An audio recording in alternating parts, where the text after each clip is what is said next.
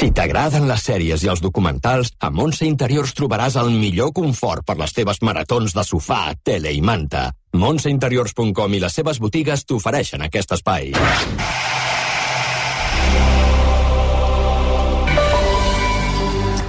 Amb la calòrica, quan va venir presentada, que parlem quan no parlem de tota mm. aquesta merda, ja vaig dir que Ai. la fèiem perquè la vaig trobar extraordinària, que era una de les millors comèdies que s'han fet últimament, i mi segunda vuelta a classe, que ara ens explicarà la Mònica, eh, m'ha deixat eh, sense paraules. És que no sé ni com definir-ho. Eh, és espectacular.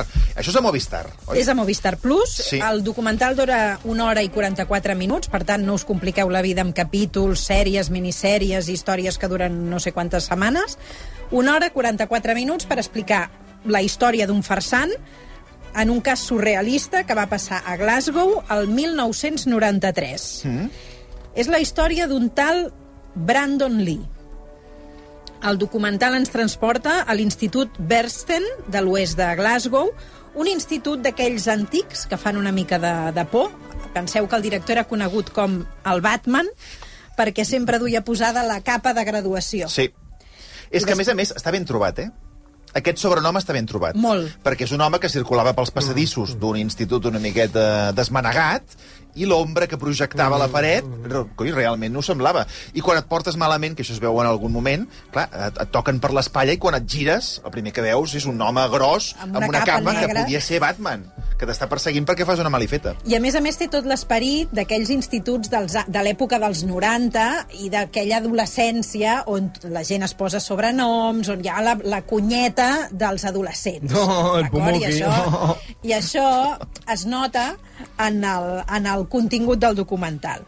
La seva ajudant era una professora molt estricta i sinistra que cada matí els feia fer una salutació acadèmica molt estranya mm. que tots els testimonis s'incomoden una mica al recordar perquè els hi recordava una mica la salutació nazi. I diuen, era diferent, però tenia unes connotacions que no ens agradava i fins i tot no en volen parlar gaire d'aquella situació.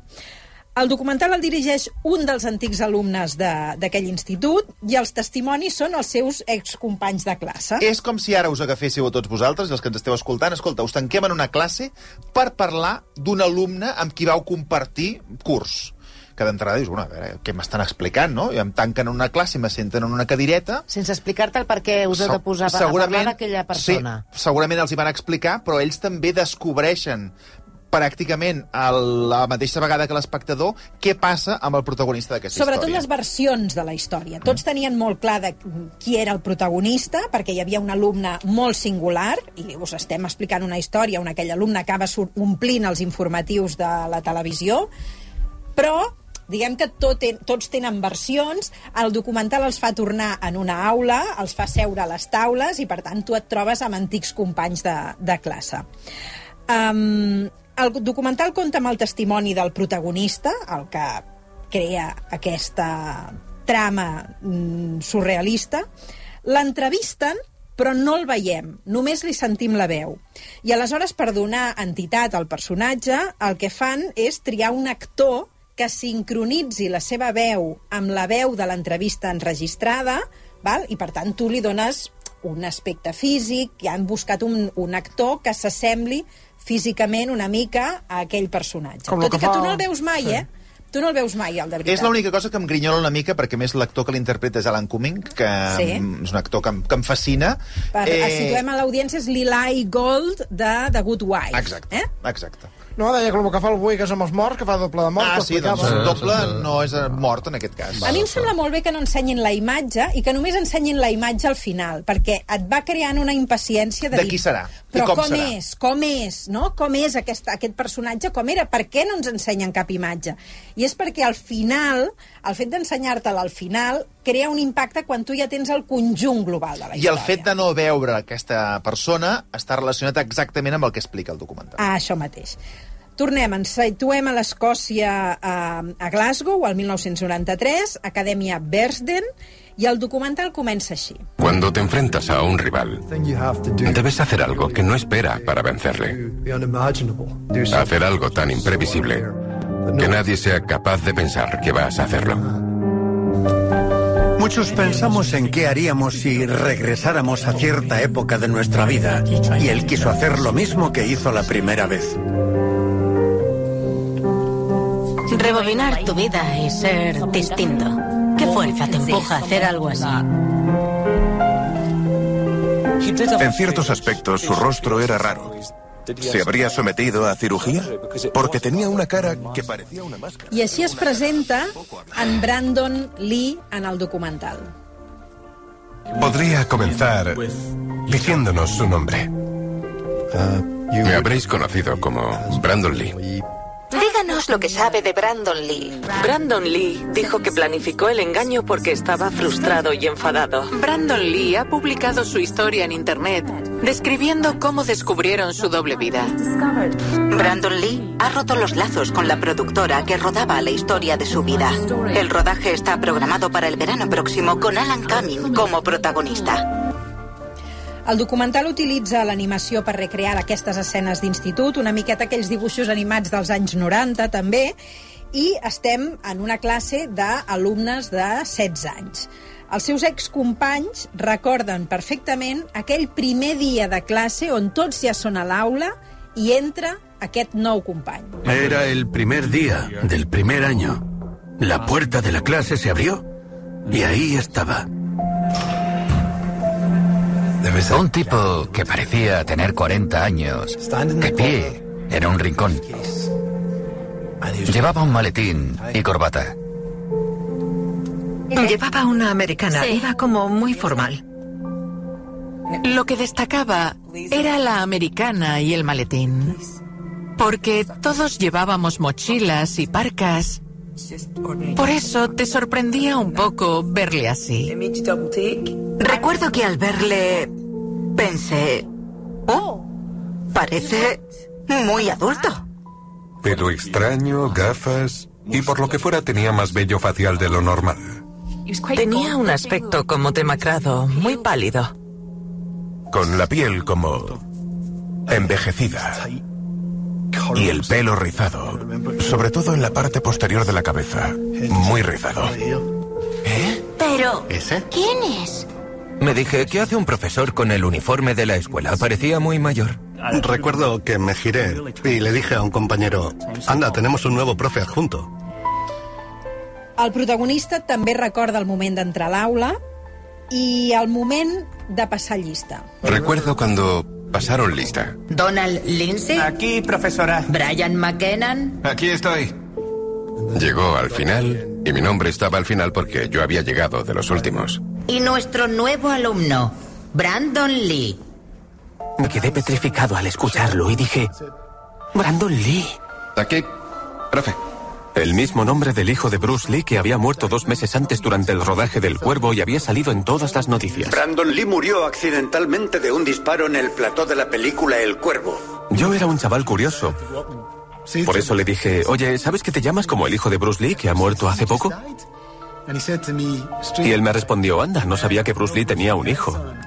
I ha muerto? Per situar, eh, tenim una, una, un nen, un nen que entra en una aula de nens, que als altres companys els hi sembla estrany perquè no els hi sembla un nen, de nom Brandon Lee, el mateix nom del fill de Bruce Lee que ha mort fa poc. Exacte. Som aquí, eh? Nens o, o Som de aquí. quina edat són la resta dels alumnes? Bueno, Uns nois, adolescents, sí, uns adolescents, sí. Sí.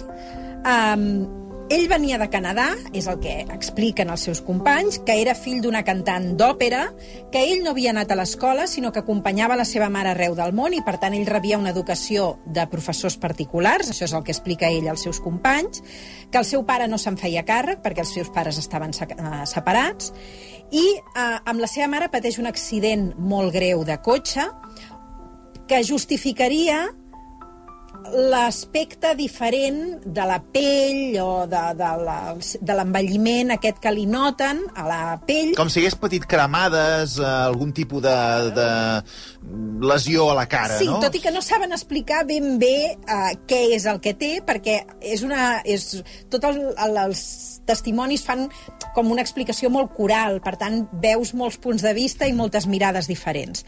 I ella estava a càrrec de la seva àvia. Ella, ella ha de tornar a Escòcia perquè allà hi ha la seva àvia i és, per tant, una senyora molt gran qui es cuida d'ell i per això ell comença nou en aquest institut.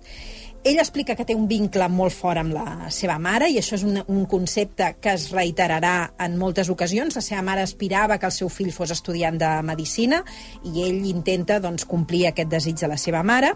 És un noi molt solitari, es crea una situació de bullying important a l'escola perquè és estrany, se'n riuen d'ell, Deixeu-me dir que tot això està basat en fets reals. És un fet real, eh? no és un documental de ficció. És Exacte. basat en fets, fets reals. reals. Però, mica en mica, ell es pot guanyar els companys, aconsegueix guanyar-se els companys, primer perquè sabia molt de música, sobretot de grups antics, després perquè protegeix a altres companys que reben situacions de bullying i ell els, els acull i, i per tant fa uns primers amics i després perquè ajuda als companys que tenen dificultats acadèmiques els convida a casa, els ajuda a fer els deures i els hi explica part de les assignatures que no entenen. Perquè de... ell a la classe fa una demostració tremenda de, de saber moltes coses. És un geni. És un geni. Supera fins i tot en molts casos els professors que li estan ensenyant, la, per exemple, la professora de literatura o de biologia es trobaven superades pels coneixements que tenia aquell alumne. I per tant ell aconsegueix fer un grup d'amics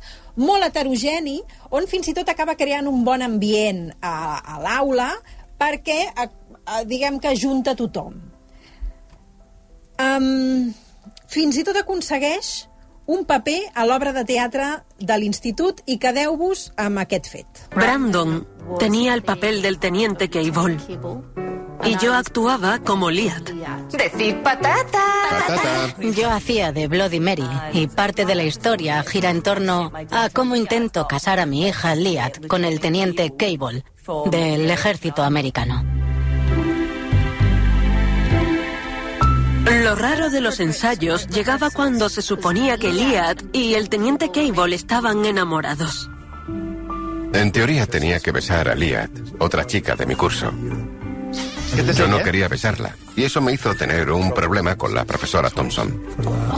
En cada ensayo, la profesora Thompson decía, vale Brandon, ahora quiero que la beses. Y él decía, no, no, lo haremos por la noche. Se negaba a besar a la chica. Ella decía, oye, hazlo, venga, hombre, tú hazlo, bésala. Venga, por Dios, és solo un beso. Valerie me mirava com... Una miqueta amb aquesta idea d'aquesta obra de teatre on hi ha d'haver un petó final, que mm. ell no li vol fer el petó, i on tothom té el record que aquest petó no s'arriba a fer mai. Després en Brandon Lee organitza festes a casa seva, tots coneixen a la seva mare, ai, perdoneu, a la seva àvia, que és una senyora gran, molt amable, que acull molt bé els, els amics... Els hi porta del... pastes, quan van estudiar... Mm. Ah, això mateix. Mm. I um, un dia, en una festa a casa, passa aquesta situació. Recuerdo que fue a la cocina y escuché ¿Quién ha cogido mi chardonnay? chardonnay? ¿El qué? ¿Qué ha dicho? Creo que esa fue la primera vez que escuché eso en una fiesta. ¿Qué coño es un chardonnay? No tengo un uh, estudiant de 16 anys que en una festa amb alcohol es preocupa de qui li ha pres l'ampolla de chardonnay. A mi aquí vaig començar a sospitar. Vaig Dius, pensar aquí hi ha alguna cosa qui, que no... Qui es preocupa o és un si especialista és en, en, en, vins o caves o begudes, o, sí, no sé, clar. Anys, un sí, sí, no, no, està clar d'aquella festa surten tots perquè era l'únic que conduïa, tenia carnet de conduir per unes raons que venia de, com que venia de Canadà, allà sí que allà podia... Allà se l'havia tret amb, amb 16 anys, o ah, no sé amb quina edat va dir. I se'n van a la discoteca conduint amb Brandon Lee. Cuando de repente oímos la sirena de la policía, pero bastante lejos, a Brandon se le cambió la cara.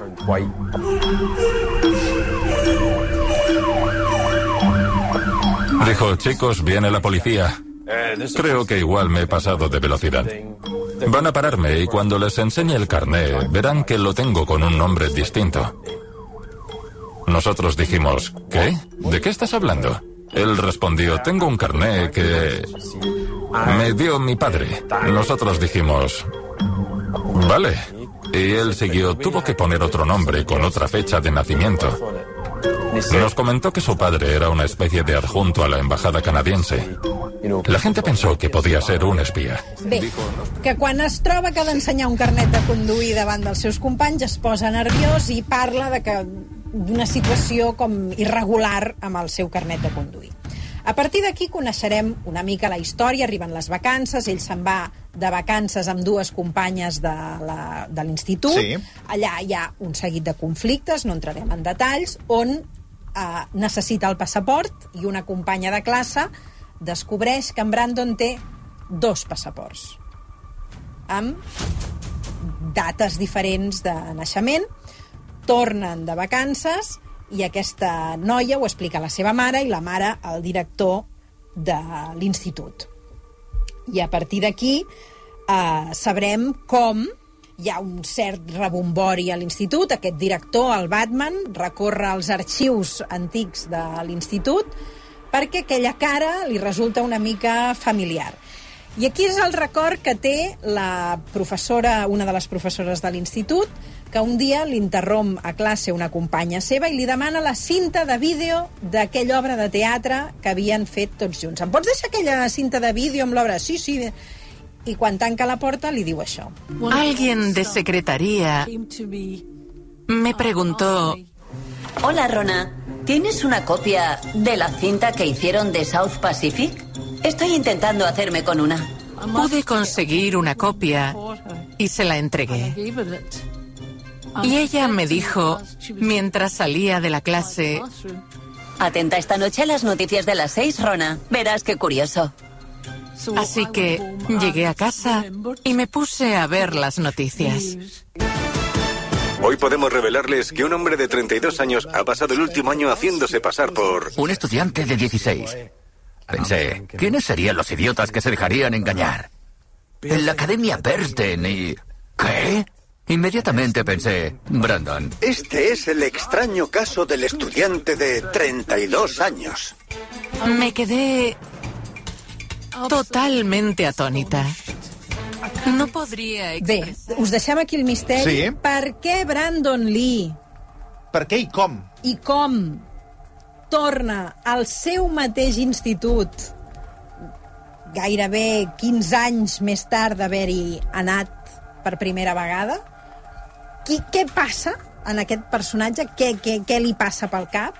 És el que descobrireu en aquest documental amb una història, ja ho sabem... Mare meva. Fascinant. No entenc... Fascinant. Us dic una cosa, no entenc que no s'adonessin que aquest home tenia 32 anys. Ni tu ni Sí, ningú, però hi ha una explicació, No eh? Mi segunda vuelta a classe a Movistar Plus. Mònica, moltíssimes gràcies. A vosaltres. I deixem aquí perquè de seguida comença la retransmissió L'Espanyol. de l'Espanyol Celta. Fins demà. 48, 49 i 50! A Montse Interiors hem arribat al nostre 50è aniversari. Tots aquests anys no haurien estat possibles sense la confiança de clients, treballadors, col·laboradors, amics i fins i tot competidors. Gràcies per fer-nos costat. Qui sap què ens depara el futur? El que tenim clar és que ara som més que una empresa familiar. Som una gran família. Montse Interiors, 50 anys.